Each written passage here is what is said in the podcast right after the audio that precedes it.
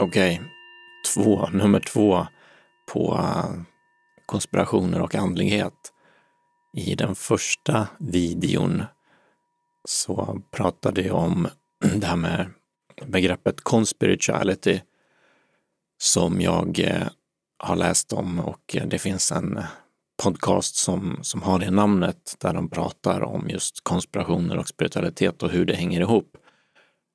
Sen så pratade jag också om eh, hur eh, den psykologin som jag ser som kan vara en grund för skillnader i huruvida människor tenderar att tro på övernaturliga eller paranormala fenomen överhuvudtaget som relaterar till också då i någon mening konspirationer som också är svårbevisade fram tills dess att de bevisas och eh, folk som i, som jag pratade om med eh, katolska präster som eh, fälls för pedofili och man ser hur de flyttat runt dem och skyddat dem och där har vi en konspiration så då är det svart på vitt.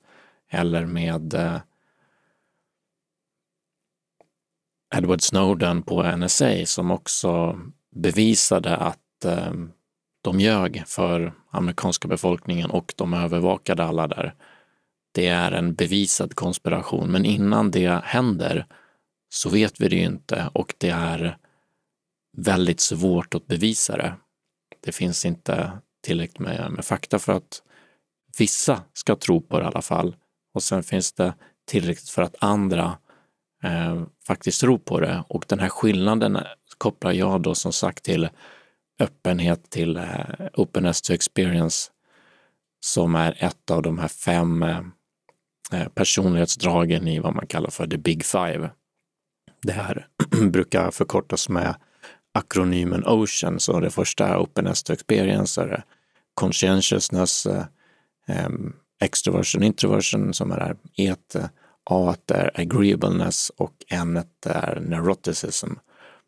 Och den här openness to experience är någonting likt de andra som tenderar inte tenderar att inte förändras utan de är ganska stabila över tid, precis som våra värderingar, värderingar är och vår politiska hemvist är.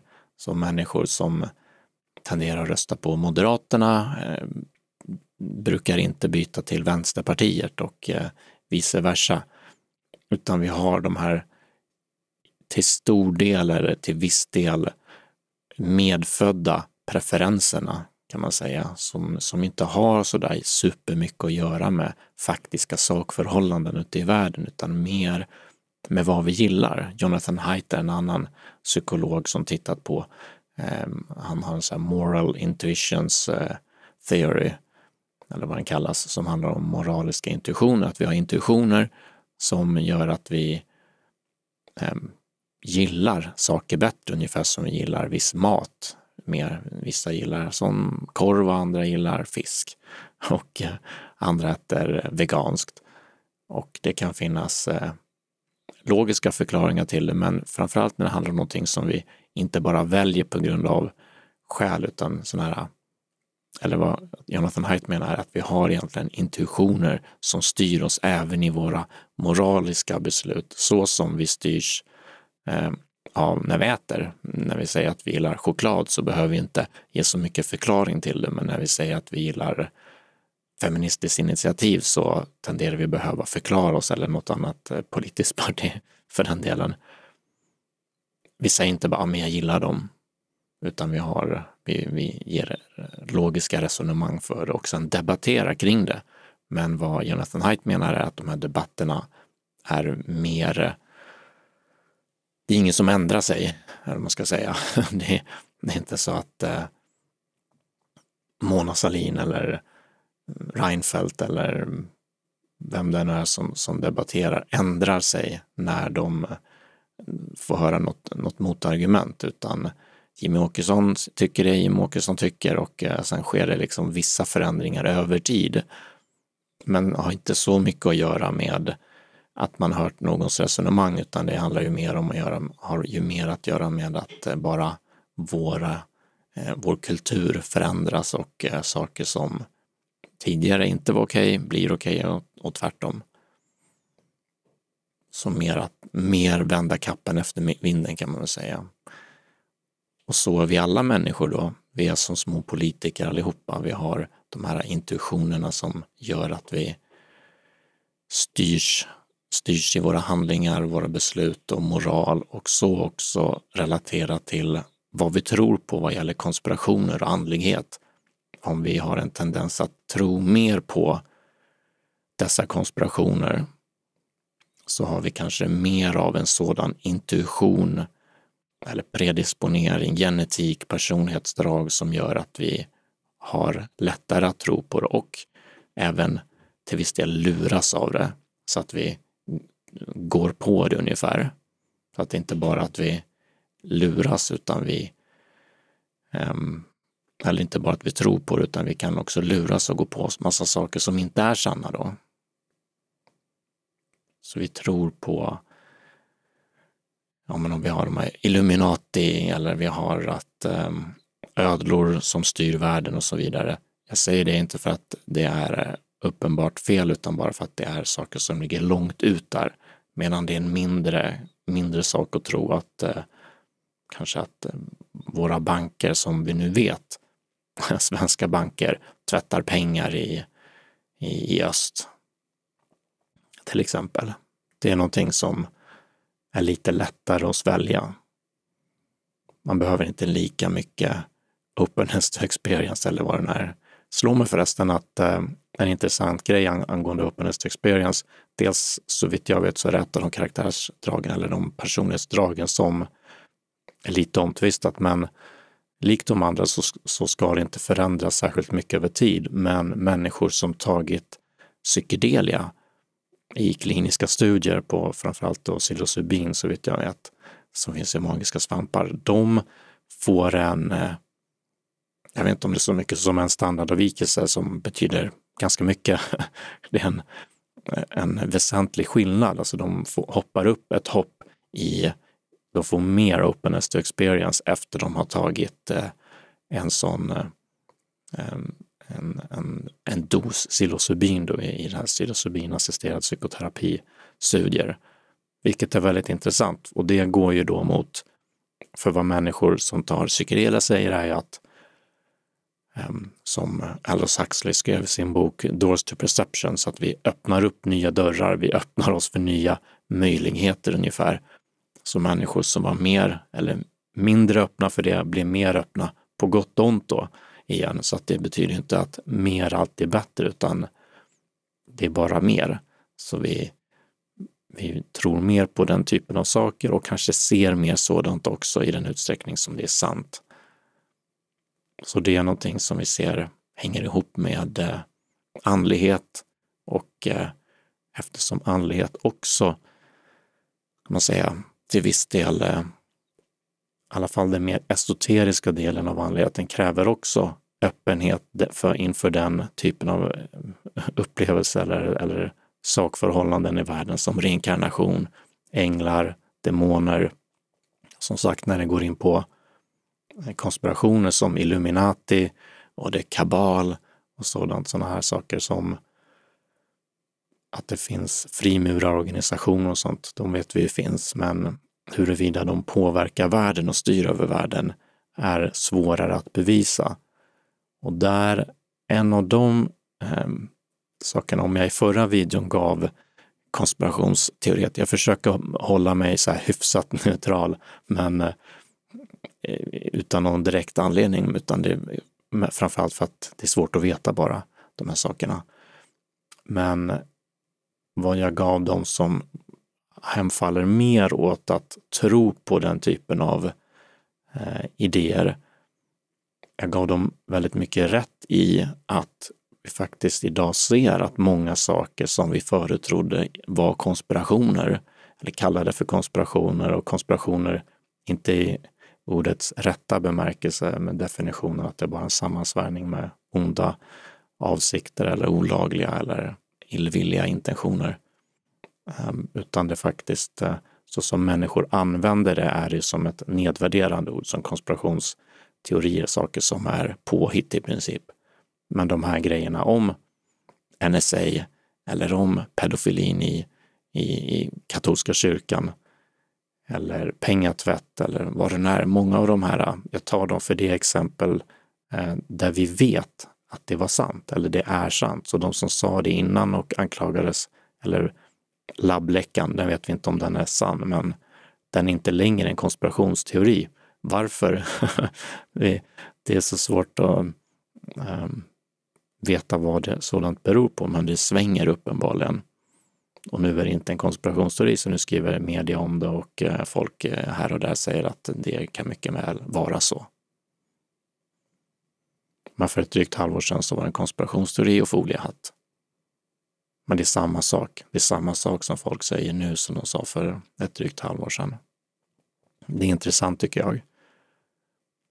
Sen är det såklart inte omöjligt att förklara eftersom det är sådana saker som är svåra att bevisa och eh, då verkar det som att vi många gånger hemfaller till att det är de vid makt och så, som bestämmer, som säger hur det ska vara och sen krävs det mycket, någon typ av uppror eller, eller väldigt mycket ansträngningar för att få det att ändra sig.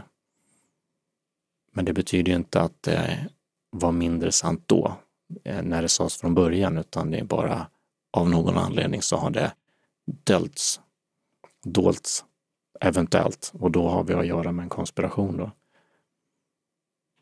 alla fall, så andligheten är också att, så att den tillhör det här öppenhet till erfarenheter. Så människor som har mer av det blir mer, um, har mer um, incitament och vilja och eh, upplevelser av det, det här immateriella.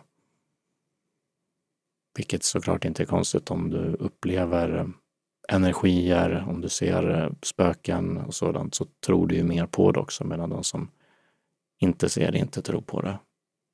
Eller har mindre anledning att tro på det. Men vad de här conspirituality också lyfte, som jag tycker är intressant, är hur å ena sidan, om man ska kalla det för new age-rörelsen eller mm, människor som är intresserade av kristaller, reiki, healing, energier, reinkarnation, den typen av företeelser är ofta lite åt det, eh, skulle jag säga, eh, vänsterhållet politiskt. Det vill säga, de är många gånger också vegetarianer eller veganer. De tycker det är viktigt att ta hand om Moder Jord och eh, det stämmer såklart inte för alla, men det är åt det hållet. Det här mjuka värderingar, allas eh, rätt och ja, jag vet inte vad jag pratar om riktigt, men det är min bild eh, och också de här eh, på den här podcasten, Conspiritualities bild, att så så verkar det se ut och det är de som har de här openness experience. Men vad vi ser här nu är det intressanta, att de här konspirationsteorierna många gånger kommer från, nu håller jag upp min vänstra hand, men de kommer från höger. De kommer från alternativa högern till och med, som man säger ibland.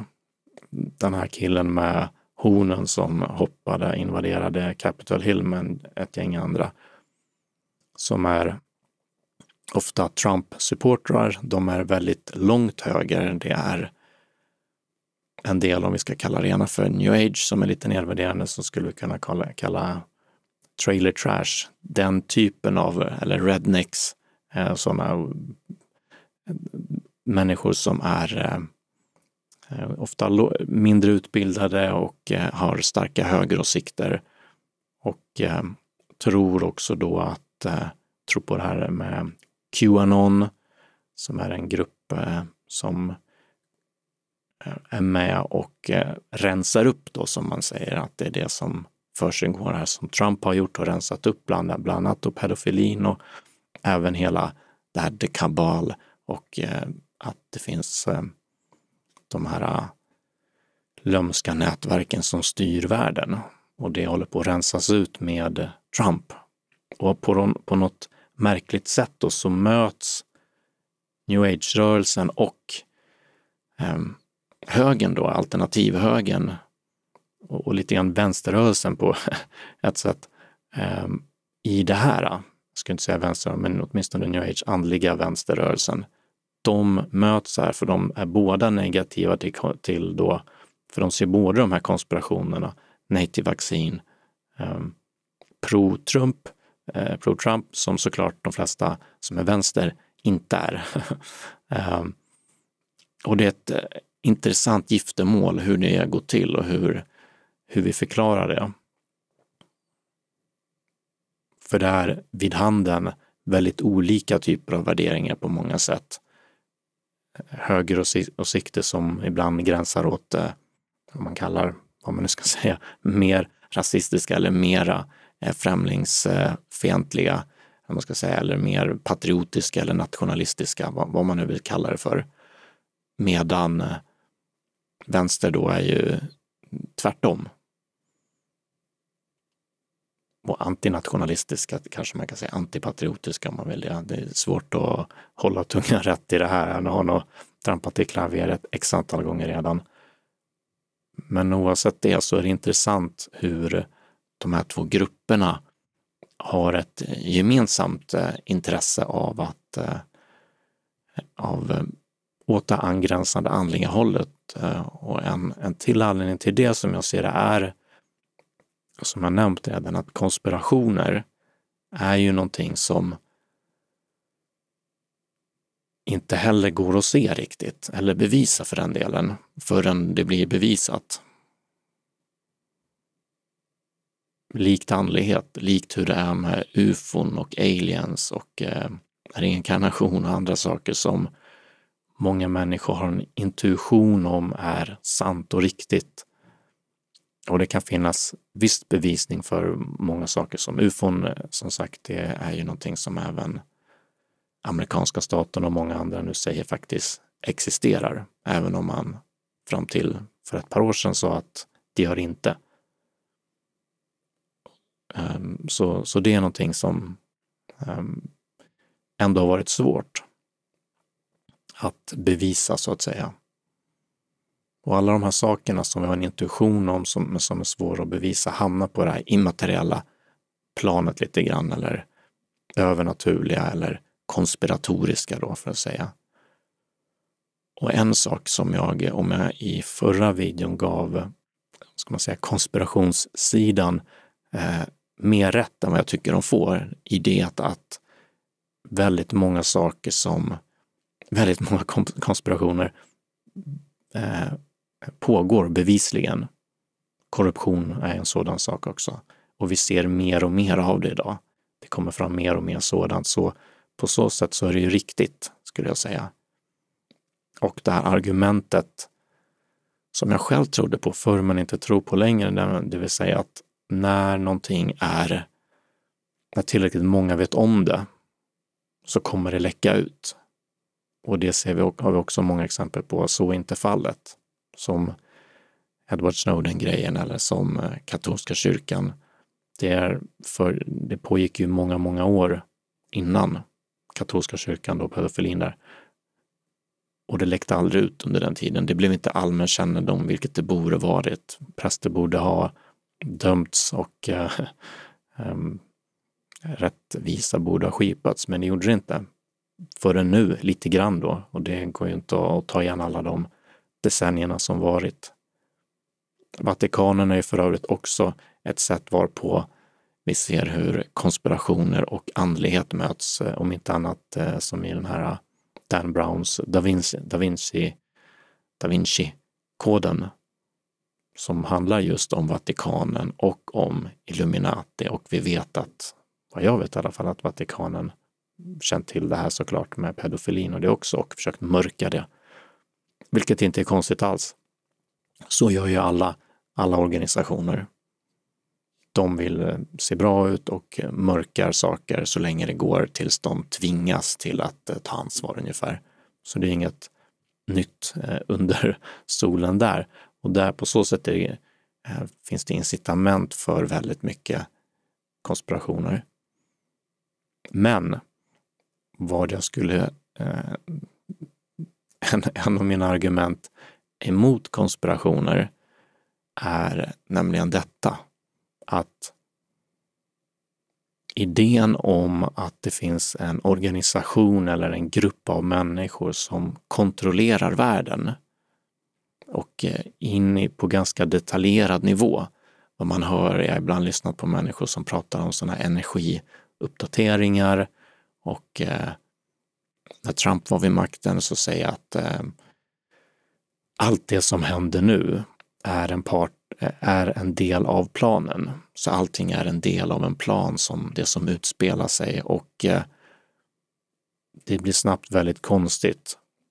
För samma personer kan säga att det här med Trump, att han kommer sen vara, fortsätta vara vid makten. Det här som höll på med Biden, att han höll på att vinna där. Det är en del av planen. Trump kommer komma till makten i alla fall.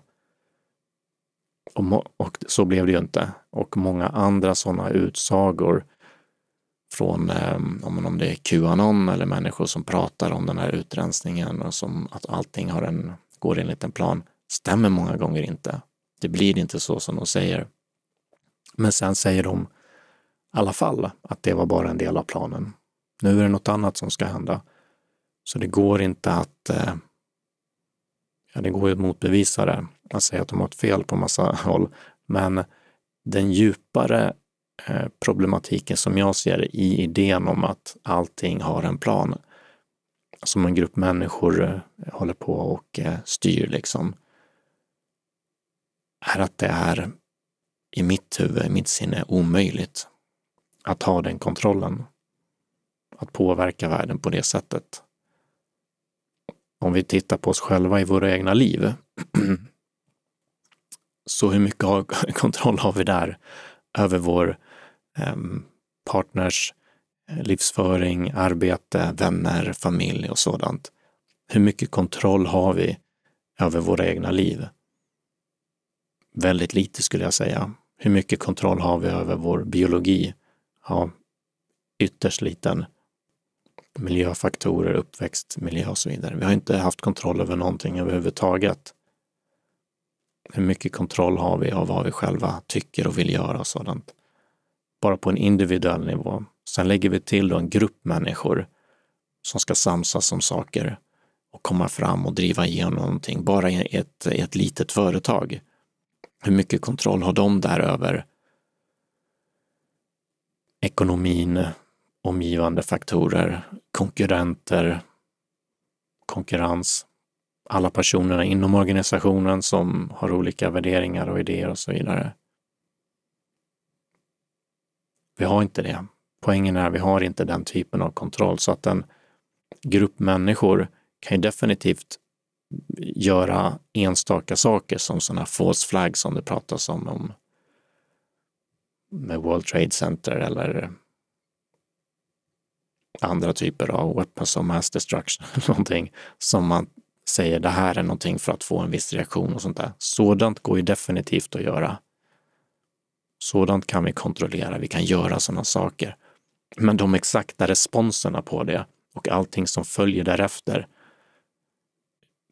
det, det, så det är svårt att överhuvudtaget kontrollera sin egen dag för en individ att en grupp människor ska kontrollera hur det i detalj utspelar sig på en planet är för mig omöjligt, även om såklart människor kan ha visst inflytande. Så skulle man ha en diskussion om det, huruvida mycket inflytande man kan ha på någonting, så ja, man kan göra grejer och sånt där, men kontrollera, rulla ut en plan. Man tar på moderna organisationer, i tidigare eh, video så pratade jag om eh, problemen med Eh, med organisationer och eh, med eh, hierarkier och sådant. Eftersom att hur världen ser ut, den är inte statisk utan den förändras hela tiden. Så även en liten plan för oss själva som en människa, hur vi ska leva vår dag eller hur vi ska göra på om vi går på, till ett jobb på dagen, hur vi ska, vad vi ska göra, så kommer det upp saker som gör att vi måste förändra den planen hela tiden på, bara på en individnivå. Samma sak för en organisation som har en idé, sexårsplan eller sexmånadersplan. Man behöver ändra det nästan från dag till dag, hur man gör de här sakerna. Så att, att det finns någon som för tio år sedan eller ett par personer som skrev ner en plan. Det är första gången i världshistorien som man lyckas rulla ut något sånt. Det är ett starkt argument, skulle jag säga i alla fall, emot att det finns en plan som bara rullas ut nu. Som, ner, som skrevs ner för tio år sedan eller något sånt. Det som jag ser är helt omöjligt. Så den typen av konspiration tror inte jag på. Jag, jag blir villigt motbevisad, eller det är svårt att göra det, men rent logiskt, eh, rationellt så går det inte ihop för mig. Däremot går det som sagt ihop att många typer av konspirationer som vi inte vet om idag är sanna. Men en sån här allomfattande plan som bara rullas ut och det blir så att allting som händer är enligt den planen är helt omöjligt som jag ser det. Om man inte, det krävs då andlig hjälp eller eh, paranormala förmågor för att kontrollera allting i princip. Och ingen har någon sån eh, magi så vitt jag vet. Men vi ser hur det igen relaterar till, om det är någon som skulle ha det så skulle det vara de här specialnätverken med, som kallas för ibland Illuminati eller annat som har, kommer ur frimurarorder, orders och sådant som eh, är väldigt intresserade av det okulta eller svart magi och den typen av andlighet eh, ser vi finns ju i gamla shamanismen också. Tror det kallas för brujas ibland i, i Sydamerika mm, som schamaner som håller på med svart magi eller negativ för att göra människor illa. Så det finns definitivt. Och vi har Illuminati som vi hör om eh, Hollywood, eh, personer som ska dricka blod och få energi på olika eh, sjuka sätt som också tror jag, eller jag menar det, det kan säkert förekomma sådant. Men dess effekter på världen och eh, att styra och kontrollera världen har jag svårt att tro förrän jag ser något mera, eh, något starkare argument för det. Så det var lite av det jag tänkte ta.